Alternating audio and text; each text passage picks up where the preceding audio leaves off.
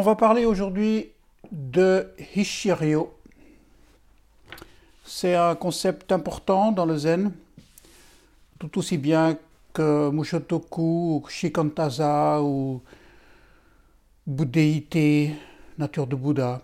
Voilà. Donc c'est quelque chose qui est important de bien saisir, si on peut dire. Hmm. On verra que c'est pas facile à saisir d'ailleurs. Donc en règle générale, Ishirio décrit l'état d'esprit en zazen, pendant le zazen. C'est-à-dire comment faire avec le mental, comment penser, comment euh, réagir par rapport à ce qui apparaît dans l'esprit, euh, nos sensations sensorielles, nos souvenirs, nos désirs, nos craintes, toutes les images mentales qui peuvent nous assaillir. Alors comment il faut faire avec tout ça? Alors Ishirio, ça veut dire, en, français, c'est souvent traduit par au-delà de la pensée. En anglais, on traduit ça souvent par non-thinking. Et j'ai découvert que Yoko Orimo a, propose une autre traduction en français qui, me plaît bien. Et donc c'est euh, la traductrice en français de tout le Shobogenzo, Yoko Orimo. Elle, elle dit ce qui n'est pas de l'ordre de la pensée, Ishirio. Ce qui n'est pas de l'ordre de la pensée. ça c'est intéressant. Enfin, il me semble. Euh, on verra tout à l'heure, en fait, que c'est bien autre chose que ne pas penser ou la non-pensée. Donc Ishirio, c'est vraiment quelque chose qui est pas facile à bien définir parce qu'on a très vite cette tendance à, mettre les choses en opposition, comme d'habitude bien sûr, quand on utilise les mots, les concepts, les langages, penser, non penser, voilà. Alors que c'est beaucoup plus complexe que cela. Et, d'ailleurs, euh, ce malentendu, enfin on va revenir là-dessus, de penser non penser, c'est que beaucoup, beaucoup, beaucoup de débutants qui arrivent euh, dans la pratique euh, considèrent ou, ont entendu que la pratique ce serait arriver à la non-pensée, à ne plus penser quoi que ce soit, à avoir l'esprit vide. On entend souvent dire à la sortie du zazen, ouais, j'ai fait un mauvais zazen, j'étais plein de pensées. Hein. Alors que, ça n'a rien à voir avec ça. Et qu'il y a beaucoup de malentendus par rapport justement à, à la pensée elle-même déjà. Voilà. Alors d'où ça vient ce mot? En fait, euh, la première fois, il me semble qu'il apparaît, c'est dans le texte de Maître Dogen, le Fukan Zazengi. Alors on va commencer par lire l'extrait, donc le Sutra Book de notre Sangha, de Lazeti, de Roland Reich, voilà. Euh, donc dans cette traduction, euh, voici l'extrait que je vais vous lire. En fait, c'est tout juste après qu'il explique euh, les, choses très concrètes à faire pour, pour la pratique de zazen manger modérément, euh, s'asseoir sur un zafou, un zafouton, etc.. Alors quand il, en arrive au, passage suivant, quand vous avez pris la posture correcte, respirez profondément une fois, inspirez et expirez. Inclinez votre corps à droite et à gauche et immobilisez-vous dans une position assise stable. Pensez du tréfonds de la non-pensée.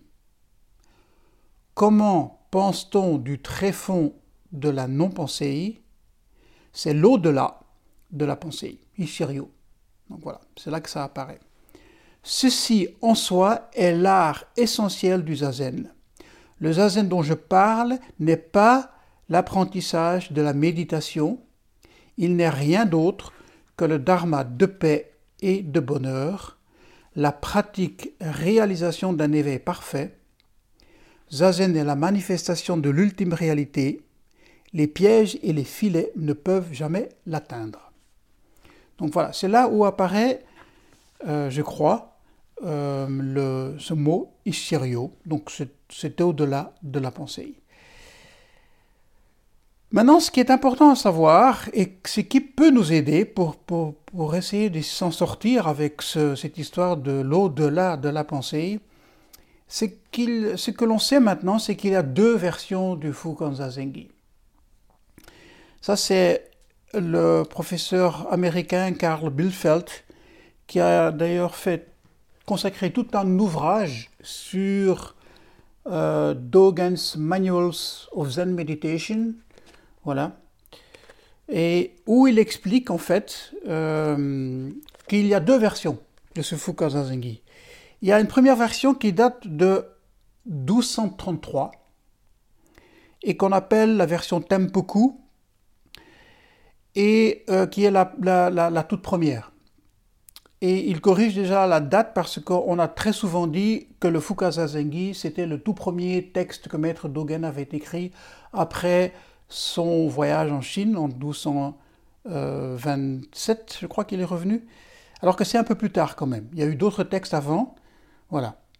Mais ce qui est important, c'est que récemment, enfin dans le courant du XXe siècle, a été découvert une deuxième version du Fuka Zazengi, qui, selon les recherches que ce Karl Bielefeld a fait, daterait euh, dans les années 1243-1246. Donc c'est dix ans après la toute première version. Ça veut dire que pendant dix ans, Maître Dogen a continué à peaufiner son texte, alors que c'est que c'est dans le but, enfin, un, manuel tout simple de comment, comment faire zazen. Mais ça l'a quand même travaillé.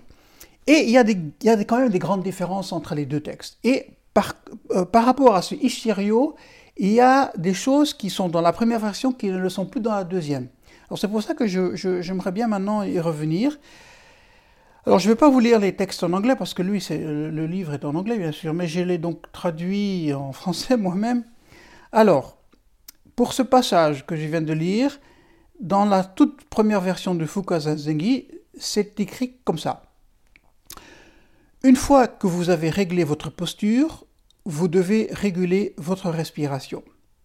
Chaque fois qu'une pensée se produit, Soyez-en conscient. Dès que vous en serez conscient, elle disparaîtra.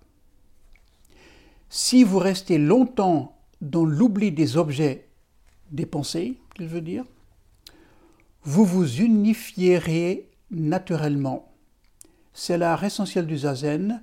Le zazen est la porte du dharma, de la grande aisance et de la joie.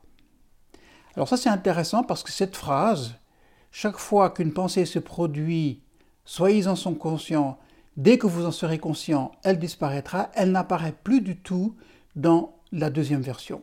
Ou, et là je vais lire comme la traduction comme Karl Bildfeld l'a fait, qui est quand même légèrement différente par rapport à la traduction que nous avons à la ZEDI.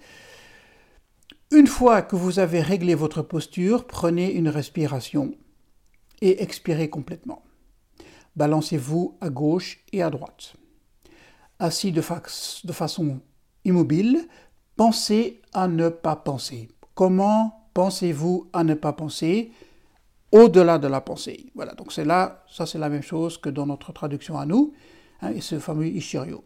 C'est l'art essentiel du zazen.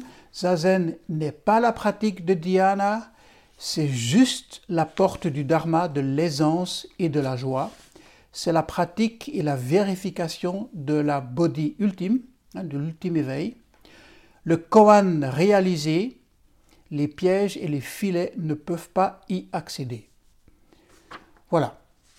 Donc ça, c'est intéressant de voir comment euh, il a euh, retravaillé euh, sa pensée, Maître Dogen, entre les deux entre les deux versions. Et là où dans la première version quelque chose de très concret était décrit, c'est devenu cette fameuse phrase penser la non-pensée, le Ishiryu. Donc ça c'est un, c'est la première source. Une autre source euh, importante concernant le Ishiryu, c'est le texte Zazenshin du Shobogenzo. Alors là maintenant je vais lire la traduction française qui est faite par euh, Yoko Orimo. C'est tout, au début du Zazen-Shin. Zazen-Shin, c'est donc, la, elle a traduit ça par les maximes de la méditation assise. Voilà. En fait, c'est aussi euh, le Shin, ça veut dire aussi aiguille d'acupuncture. Donc, c'est vraiment le, zazen qui est une aiguille, voilà, qui, qui va guérir l'esprit des hommes. Bon, alors on commence le texte, et ça commence de cette façon. Lorsque maître Yakuzan Ingen méditait en posture assise, un moine demanda un jour Que pensez-vous en restant immobile, assis sur le sol Le maître dit Je pense la non-pensée. Le moine demanda Comment peut-on penser la non-pensée? Le maître dit Par ce qui n'est pas de l'ordre de la pensée. Donc Ishiryo, c'est comme ça que euh, Yoko Orimo traduit par ce qui n'est pas de l'ordre de la pensée. Alors il y a trois termes hein, qu'il faut bien, se mettre en tête. Et je vais les dire aussi en japonais. Il y a donc shiryo, qui, lui veut dire pensée. Shiryo, c'est la pensée analytique, la pensée rationnelle, discriminante, qui est basée sur la langue, sur les mots, les concepts, euh, shi, ça veut dire pensée. Ryo, ça veut dire mesure. Voilà. Fushiryo, donc pensée, la non-pensée. Fu, fushiryo. Fu, c'est la négation. C'est absence de. Donc non-pensée. Et le troisième terme, c'est hi shiryo. Et hi, c'est, euh, dit euh, Yoko Orimo, euh, explique une, enfin, pointe faire une différence de niveau, une, différence d'ordre. Et c'est pour ça qu'elle en arrive à cette traduction par ce qui n'est pas de l'ordre de la pensée. Alors on peut se demander, mais alors de quel ordre s'agit-il? On, va en arriver. Alors, Shiryo, Fushiryo et Hishiryo, ces trois termes, de façon traditionnelle, ont toujours été beaucoup euh, interprété, surtout ici en Occident, par notre façon de penser un peu dialectique, que l'on connaît bien, pensée, non, euh, thèse, antithèse, synthèse. Hein, donc pensée, non pensée, et alors ce qui n'est pas, qui serait au-delà, qui serait à un niveau supérieur, quelque chose qui effacerait l'un et l'autre, cette dualité qui existe, pour arriver à un nouveau, à un nouveau terme. Mais la façon dont ça doit se faire concrètement en zazen, ça n'a jamais beaucoup été expliqué, en fait. Alors on va un peu chercher euh, comment faire avec ce fameux Ishiryo. Euh, j'ai donc euh, été recherché un peu dans Maître Deshimaru, c'est quand même un peu notre source pour ici, nous, Européens. Et il y a ce fameux livre dont je crois avoir déjà mentionné le titre, Le Zen et Cerveau, qu'il a écrit avec euh, Paul Chauchard, un des éminents savants du cerveau dans, ces années-là, années, fin des années 60, début des années 70, euh, où il explique, Maître Deschumaru explique le... Et il y a d'ailleurs tout un, je pourrais le trouver, je vais le montrer tout à l'heure pour ceux qui sont sur, avec la caméra, il a mis tout un, dessin d'ailleurs, où il y a quatre phases, où il explique le début du zazen en quatre phases et où il met ces mots Shiryo, Fushiryo et Ishiryo. Alors il parle de la première phase du zazen qui est celle d'un, qui exige un certain effort volontaire, hein, de, une, une, part de notre action consciente qui, part à partir de notre ego et qui nous amène à Zazen. On, décide d'aller au dojo, de faire une session. Voilà, c'est un mouvement conscient, volontariste. Voilà. Alors quand on est assis en Zazen, vient, et ça il suit euh, le, texte de Maître Dogen, il, euh, arrive à la deuxième phase où on va se concentrer sur la respiration. Et que la respiration devienne un processus conscient hein, là où c'est normalement quelque chose de complètement inconscient. Hein, dans, cette deuxième phase, hein, la respiration devient contrôlée, entre guillemets, par une pensée consciente, et c'est là où il, a, introduit ce premier terme qui est le shiryu, la pensée. C'est à ce niveau-là, au niveau de contrôle de la respiration. Troisième phase, et ça c'est quelque chose que j'ai quand même aussi beaucoup beaucoup entendu de mon maître, euh, Roland Reich, où il dit que ces mouvements volontaristes qui nous amènent à Zazen, à un moment donné, il faut lâcher prise avec ça. On ne peut pas continuer continuellement, on va jamais pénétrer complètement Zazen si on ne lâche pas prise avec ce, mouvement, volontariste qui nous amène sur le Zafu. Là, euh, Maître Deshimaru parle que c'est un stade des réflexes conditionnés. Euh, néanmoins, les sens, les organes des sens, continuent de façon naturelle à nous envoyer des signaux dans le cerveau. Alors là, j'ai un peu enlevé tous les termes techniques euh, de, de, quelle partie du cerveau, etc. etc. Mais c'est la partie qui est inconsciente, qui est vraiment très profonde dans le cerveau. Et donc il dit que c'est un état de fonctionnement inconscient. Et c'est là où il introduit ce deuxième terme de fou shiryo, qui est donc non pensé. Et alors arrive un quatrième, euh, une quatrième phase dans, tout ce processus où euh, les processus sensoriels ne sont même plus transmis aux différentes parties euh, du cerveau et même pas à un niveau inconscient. Et là, on entre dans ce que lui, il appelle une sorte d'état intuitif, qui est au-delà de la pensée consciente et au-delà de la pensée non consciente. Et c'est là où il introduit le troisième terme, Hishiryu. Voilà, donc ça c'est la façon dont Maître Deshimaru a collé ces termes sur les différentes phases que l'on peut, que l'on connaît très bien, pour ceux qui pratiquent Zazen entre nous, on, reconnaît très très bien de quoi il s'agit. Il a beaucoup appelé ça, et j'ai aussi beaucoup entendu Roland le dire, que cet état de conscience est une sorte de retour. Retour à la maison, retour au profond, à son profond soi, à un état originel, à une conscience universelle. Alors j'ai un peu cherché ailleurs et j'ai été, été recherché chez Bouddha, qui est quand même la source euh, première, je vais dire, de notre pratique. Et là, c'est intéressant parce que je n'ai pas trouvé. Bon, c'est vrai que le, Sutra Pali est immense et que je n'ai pas été voir partout non plus. Mais je n'ai pas beaucoup trouvé les termes de pensée, de, de non-pensée. Bouddha, lui, il parle de attention. Et il y a ce fameux sutra euh, dont je vous conseille vraiment de l'étudier, c'est le Satipatthana Sutra, hein, donc le sutra de désétablissement de l'attention. Et donc c'est moins un texte philosophique, entre guillemets, je vais dire, qu'un texte vraiment de pratique. Euh, il y a du boulot. Euh, quand on lit le Satipatthana Sutta, c'est vraiment un manuel aux moines. Euh, donc, comment faire pour euh, mettre son attention dans la bonne direction Comment établir son attention Alors, il y a quatre. Donc, comme dans beaucoup de textes de Bouddha, ce sont des catégories. Hein. Ça, je crois que c'est très fort lié à l'esprit indien de cette époque-là.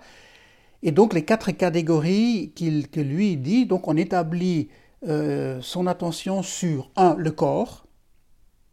Et alors il y a des sous-catégories la respiration, la posture, les éléments anatomiques. Alors là, ça devient vraiment euh, de la biologie pure. Euh, il, dénomme tous les organes, tous les fluides qu'il y a dans le corps. Voilà, ça devient vraiment du concret. Hein. Euh, il va parler de la salive, il va parler de l'urine, il va parler de plein de trucs où que le moine, enfin le méditant, doit euh, diriger son attention et comprendre que ça fonctionne. Et c'est aussi dans ce fameux passage où il, où il dit que les moines doivent aller méditer dans les cimetières et, et, contempler et méditer euh, comment un corps se décompose après la mort. Un passage assez connu et assez, euh, voilà, qui, qui, on se remet l'horloge à l'heure. Alors ça c'est la première catégorie. La deuxième catégorie c'est euh, l'établissement de l'attention sur les sensations. C'est assez court, ça c'est agréable, désagréable, ou alors une troisième catégorie, encore catégorie ni agréable ni, ni désagréable. Troisième catégorie, c'est l'attention, l'établissement de l'attention sur l'esprit. Et là, il y a 11 états différents. Je ne vais pas tous les nommer parce qu'on va, va passer l'après-midi à en parler, mais il parle des états passionnés, haineux, confus, dispersés, etc., etc., etc. Et alors, la quatrième catégorie, c'est les qualités mentales, où il parle des cinq obstacles, alors de nouveau des sous-catégories, les cinq obstacles, les cinq agrégats d'attachement que l'on connaît bien, les six sphères d'essence, les sept facteurs d'éveil, les quatre nobles vérités. Voilà. Donc ici, on ne parle pas vraiment de Ishiryo dans, chez Bouddha. Mais peut-être que c'est un texte, un sutra également à, méditer. je veux dire, à, lire et à pratiquer dans, dans notre zazen. Même si ce n'est pas dit euh, dans notre tradition de façon très concrète qu'on doit pratiquer le zazen de cette façon-là. Mais c'est jamais mauvais de se rappeler tous ces éléments-là, d'avoir ça à l'esprit. Alors ça c'est la première source que j'ai vue chez Bouddha. Alors la deuxième c'est en effet euh, l'octuple sentier lui-même, donc le, premier sermon qu'il a fait, ou le, deuxième embranchement, si on peut dire, c'est la pensée juste. Hein, que vous connaissez tous.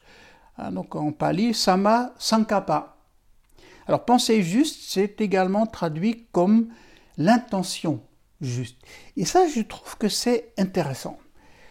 Parce que, euh, de même que dans le Satipatthana Sutra, c'était une question de euh, mettre l'esprit dans une certaine direction, euh, dans la pensée juste, c'est la même chose qu'il évoque. Il y a donc il y a cette fameuse phrase que je pense avoir déjà euh, mis en avant dans un des Taisho, c'est si un moine laisse ses pensées et ses contemplations aller dans une certaine direction, alors son esprit s'inclinera dans cette direction. Et ça, c'est quelque chose qui est quand même très très très important, que l'on reconnaît tous, je pense, euh, la force que l'esprit peut avoir sur nous, la mainmise que l'esprit peut avoir sur nous, surtout dans nos habitudes mentales. Au plus que l'on est dans une logique de, direction, je veux dire, ben, au plus que l'esprit va s'incliner dans cette direction-là. Euh, et donc la pensée juste, dans l'octuple sentier, ça veut dire ben, mettre la pensée, l'esprit, dans la direction du solutionner la souffrance, bien sûr. Hein, c'est donc ça le, le, but de, cette pensée juste.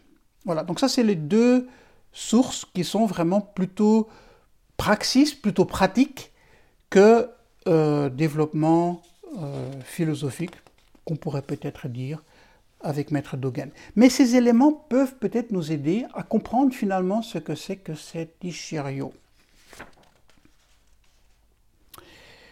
En fait, tout ce qui, est, enfin, ce qui me semble être le plus important, c'est pour notre pratique, c'est quel est le rapport que l'on entretient avec notre propre état d'esprit. Voilà. Et que c'est ce rapport que l'on doit observer et que l'on doit euh, contempler, que l'on doit comprendre comment ça fonctionne. Parce que très souvent, enfin, il me semble on a de façon générale un peu la tendance à sentir de l'intérieur que ce que l'on pense est quelque chose d'absolu, est quelque chose de juste, ce qui est un peu normal parce que c'est quelque chose que l'on ressent entre guillemets de l'intérieur, qui nous est très intime, qui est vraiment, euh, c'est pas quelque chose qu'on peut partager avec quelqu'un d'autre. Mais du coup, on en fait de cette activité mentale quelque chose qui est peut-être beaucoup plus importante que ce que ce n'est en réalité. On aurait peut-être tendance à vouloir faire de notre activité mentale quelque chose qui nous appartient, qui est de nous, où on dit je, qui nous, que nous possédons de façon légitime même, et que l'on va revendiquer, que l'on va même parfois même mettre en rapport vis-à-vis des autres, voilà, et où il y aurait en effet beaucoup de souffrance qui va se développer à partir de ça.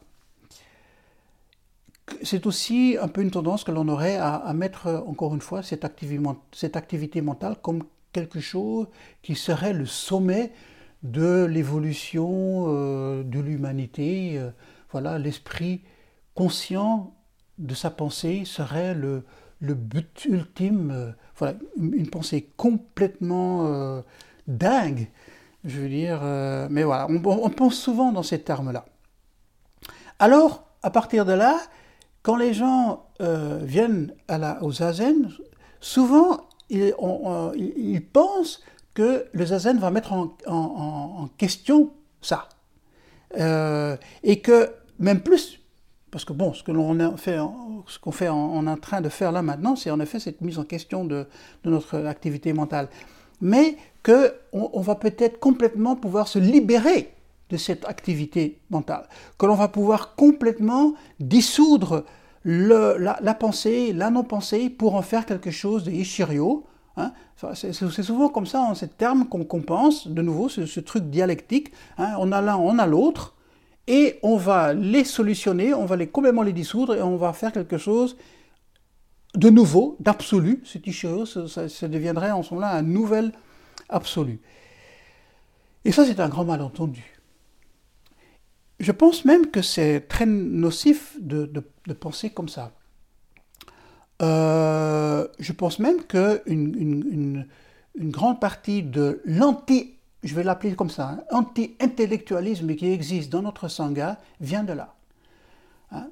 Et c'est vrai que euh, les enseignants, les, les, les, maîtres, etc., ont, un peu cette tendance à parler, de dire ne suivez pas vos pensées, euh, ne soyez pas distrait, ne réfléchissez pas trop, parce que ça n'amène à nulle part.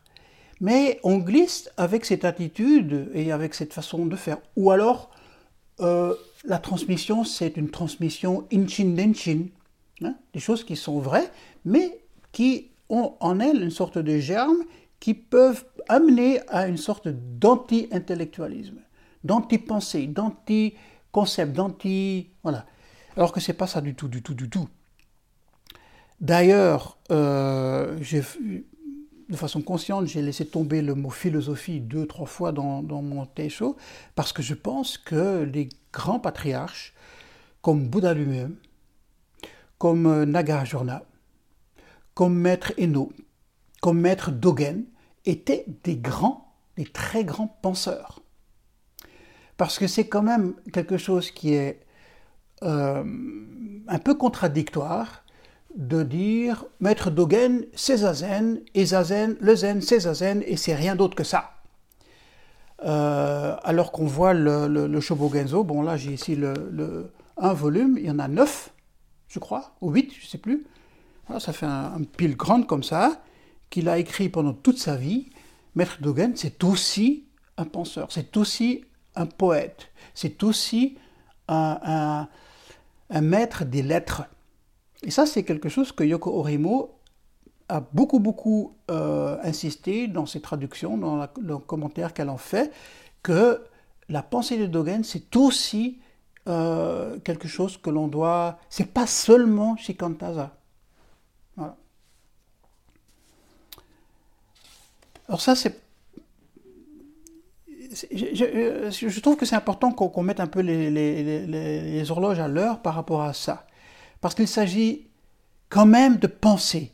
Il ne s'agit pas de dissoudre la pensée ou de dissoudre la non-pensée pour arriver à quelque chose qui serait euh, un truc euh, bizarre comme ça. Et ça, on le trouve dans le texte lui-même du Zazen Shin. Hein. Je vais vous lire un autre extrait qui, est tout, de suite après le, départ, là. où il dit, je ne vais pas lire toutes les phrases parce que chaque phrase est quand même assez concentrée. Alors il dit, nombreux sont ceux qui ont pensé le zazen, qui ont pensé le zazen. La parole de Yakuzan Ingen est une parmi d'autres. Alors double point, il dit, je pense la non-pensée. Là, dit Maître Dogen, là, il y a la peau, la chair, les os et la moelle de la pensée. De la pensée. Ainsi que la peau, la chair, les os et la moelle de la non-pensée. Donc ça c'est quand même intéressant. Ça c'est Maître Dogen qui le dit. Donc, aussi bien l'un, Shirio, que l'autre, le Fushirio, sont la peau, la moelle, les os de, de notre pratique. On doit, c'est à partir de là que l'on va travailler. Ce n'est pas une négation de tout ça. Ça, c'est vraiment important à bien, à, bien se mettre en tête. On n'évacue pas la pensée. On n'évacue pas non plus la non-pensée.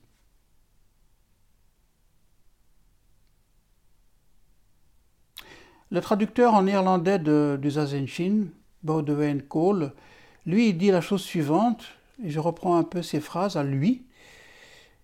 La pensée authentique qui convient à Zazen, c'est la non-pensée.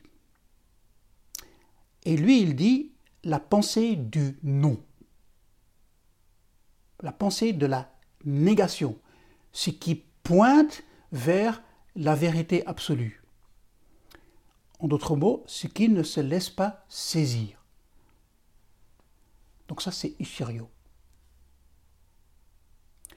Ishirio n'est pas un, il continue, Ishirio n'est pas un état neutre, n'est pas un état sans pensée. Donc c'est pas ça qu'il faut essayer d'atteindre. Ce n'est pas inconscient, c'est pas comateux. Hein. Ce serait tout le contraire de ce qu'est la pratique de zazen. Ce n'est pas l'absence de pensée, ce n'est pas non plus le déni de la pensée. Néanmoins, beaucoup de gens, encore aujourd'hui, parfois encore dans notre sangha, pensent en, dans ces termes.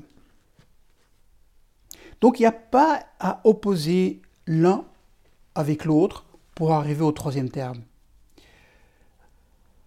On pourrait peut-être le résumer de façon suivante, que le processus mental du zazen donc ce qu'on appelle Hishirio, ce qui n'est pas de l'ordre de la pensée, est un processus qui est ouvert, qui est dynamique, qui est continuellement en mouvement, où l'on va en effet de pensée à non-pensée, pour revenir à la posture, pour revenir à la, à la respiration, et pour être de nouveau repris par un flux mental nouveau il y a un moment où l'on est entraîné. Tout ça, je pense que beaucoup, beaucoup, beaucoup de gens le ressentent. il y a un moment où l'on est entraîné par nos associations mentales que l'on fait, par les images qui apparaissent. Et il y a un moment, comme c'est écrit dans la première version de Fuka Zazengi, où on devient conscient de ça. Et ce n'est pas quelque chose que l'on peut vouloir, ce n'est pas quelque chose que l'on peut décider de faire. Voilà, maintenant je deviens conscient. C'est tout d'un coup, ça apparaît. Ah oui, j'étais ailleurs, j'étais dans mes rêves, j'étais dans. Voilà. Et à partir de ce moment-là, ça disparaît. Comme Maître Dogen l'a expliqué dans cette première version de Fukazanegi. Donc il y a un moment où on est entraîné, mais il y a également un moment où l'on est où la pensée va s'effacer, il y a un moment où l'on va retourner à la concentration, on va retourner à l'attention sur le corps, sur la sensation de la présence physique, sur la verticalité de la posture, comment on est assis, les pouces, etc., quelque chose de, très physique. Voilà. Et, et ça continue, c'est jamais fixe, ça, on, on ne reste pas dans un état spécifique, même pas dans cet état de Ishirio, c'est pas possible de rester dans cet état-là, ça, ça, ça, se change de nouveau, ça va se, ça va se morphologer, enfin, pas, je sais pas juste ce mot-là, euh, ça va se changer, ça va ça va bouger. Alors c'est dans ce sens-là que, euh, dans ce côté dynamique de notre pratique, que je vois très très bien le sutra du Bouddha, hein, cette façon d'orienter notre attention vers les différents aspects, toutes les différentes catégories sur lesquelles on peut apporter cette, euh, euh, attention. Voilà. Alors pour terminer, j'aimerais beaucoup euh, mettre, je l'ai déjà fait un petit peu là maintenant, euh, en relation Ishiryu avec le corps. Parce qu'on a un peu cette tendance à se dire, quand on lit les, commentateurs, même quand on lit Karl Bildfeld ou euh, Baudouin Cole ou, d'autres, etc., on a, un peu, on, a un peu cette tendance à vouloir essayer de solutionner le problème de Ishiryu avec le mental, alors que c'est peut-être plutôt quelque chose, comme dit euh, Yoko Orimo, qui n'est pas de l'ordre de la pensée, mais qui est de l'ordre du corps. Il n'y a pas de différence entre le mental et le corps. On a, depuis très très longtemps, dans notre culture occidentale, fait cette différence entre les deux. Hein. et ce, dualisme s'est de plus en plus euh, prononcé euh, depuis les Lumières, avec Descartes, etc. On a vraiment coupé le lien entre les deux. Et on aurait plutôt tendance à, quand on pense l'un, à oublier complètement l'autre. Alors que peut-être que ce Ishiryu, pour nous, c'est une porte d'entrée pour euh, repenser ce rapport corps-esprit. Et se dire que peut-être Ishiryu, c'est tout simplement penser avec tout son corps, avec ses petits orteils, avec, euh, avec ses doigts de pied, avec, ses, avec les doigts des mains, avec euh, le contact entre les pouces, avec la façon dont la tête euh, est penchée, la façon dont les organes sont excités ou pas excités ce jour-là parce qu'on a mangé tel ou tel ingrédient. Voilà, tout ça, ça, on le sait, influence très fort notre état d'esprit. Et peut-être que Ishiryu, c'est tout simplement cette pensée présente dans le corps. Corps-esprit, bien sûr. Hein. Là, je, voudrais bien, bien dire que quand je parle de corps, je parle aussi également du mental, de l'esprit. Et il y a une phrase qui est magnifique et que tous ces commentateurs savants ça, ne, savent pas très bien de quoi il s'agit. Euh, dans le Zazen bon, je, passe quelques paragraphes pour arriver tout de suite à cette phrase, parce que ça pointe à ce que j'aimerais bien expliquer aujourd'hui. Il dit, Maître Dogen dit donc, euh, on utilise la fin de la phrase précédente, on, utilise toujours ce qui n'est pas de l'ordre de la pensée pour penser la non-pensée. Il y a quelqu'un dans ce qui n'est pas de l'ordre de la pensée. Il y a quelqu'un dans Ishiryu. Et ce quelqu'un, non, et c'est ce quelqu'un qui m'assume et qui me garde qui est une phrase vraiment magnifique, qui est en effet mystérieuse. Alors c'est qui? C'est quelqu'un qui est là, en nous, en zazen, on ne sait pas. Ben oui, alors en, anglais, euh, Karl Bildfeld l'a traduit par, c'est encore plus concret, There is someone in non-thinking. And this someone maintain us. Donc en français, ça veut dire, enfin, je vais traduire maintenant ce que la traduction de Karl Bielfeld, on est en plein dans les traductions là. Hein. Il y a quelqu'un dans la non-pensée et ce quelqu'un nous maintient. Donc, il y a quelque chose de très, très, très concret dans Ishiryu. C'est pas un truc vaporeux euh, au-delà euh, qu'on aimerait bien s'imaginer dans les hautes sphères du mental, intellectuel, etc. Non, c'est, je pense que dans Ishiryu, il y a quelque chose de vraiment très physique, de très... C'est en fait notre présence au monde, notre présence sensible dans la posture immobile de Zazen, dans laquelle nous prenons conscience de ce qui nous entoure, de notre environnement et de ce que nous ressentons et nous vivons à l'intérieur. Voilà. C'est ça que je voulais vous dire aujourd'hui par rapport à Ishirio. J'espère que ça va vous inviter à, à piocher un petit peu dans ces textes, relire le Zazen de relire le Satipatthana Sutra, voilà, et puis de, de, se poser euh, sa pratique vis-à-vis de ces textes, de se confronter à ça. Il ne faut pas avoir peur de, de se confronter à ces concepts et de parce que c'est vraiment du concret, c'est vraiment de la pratique.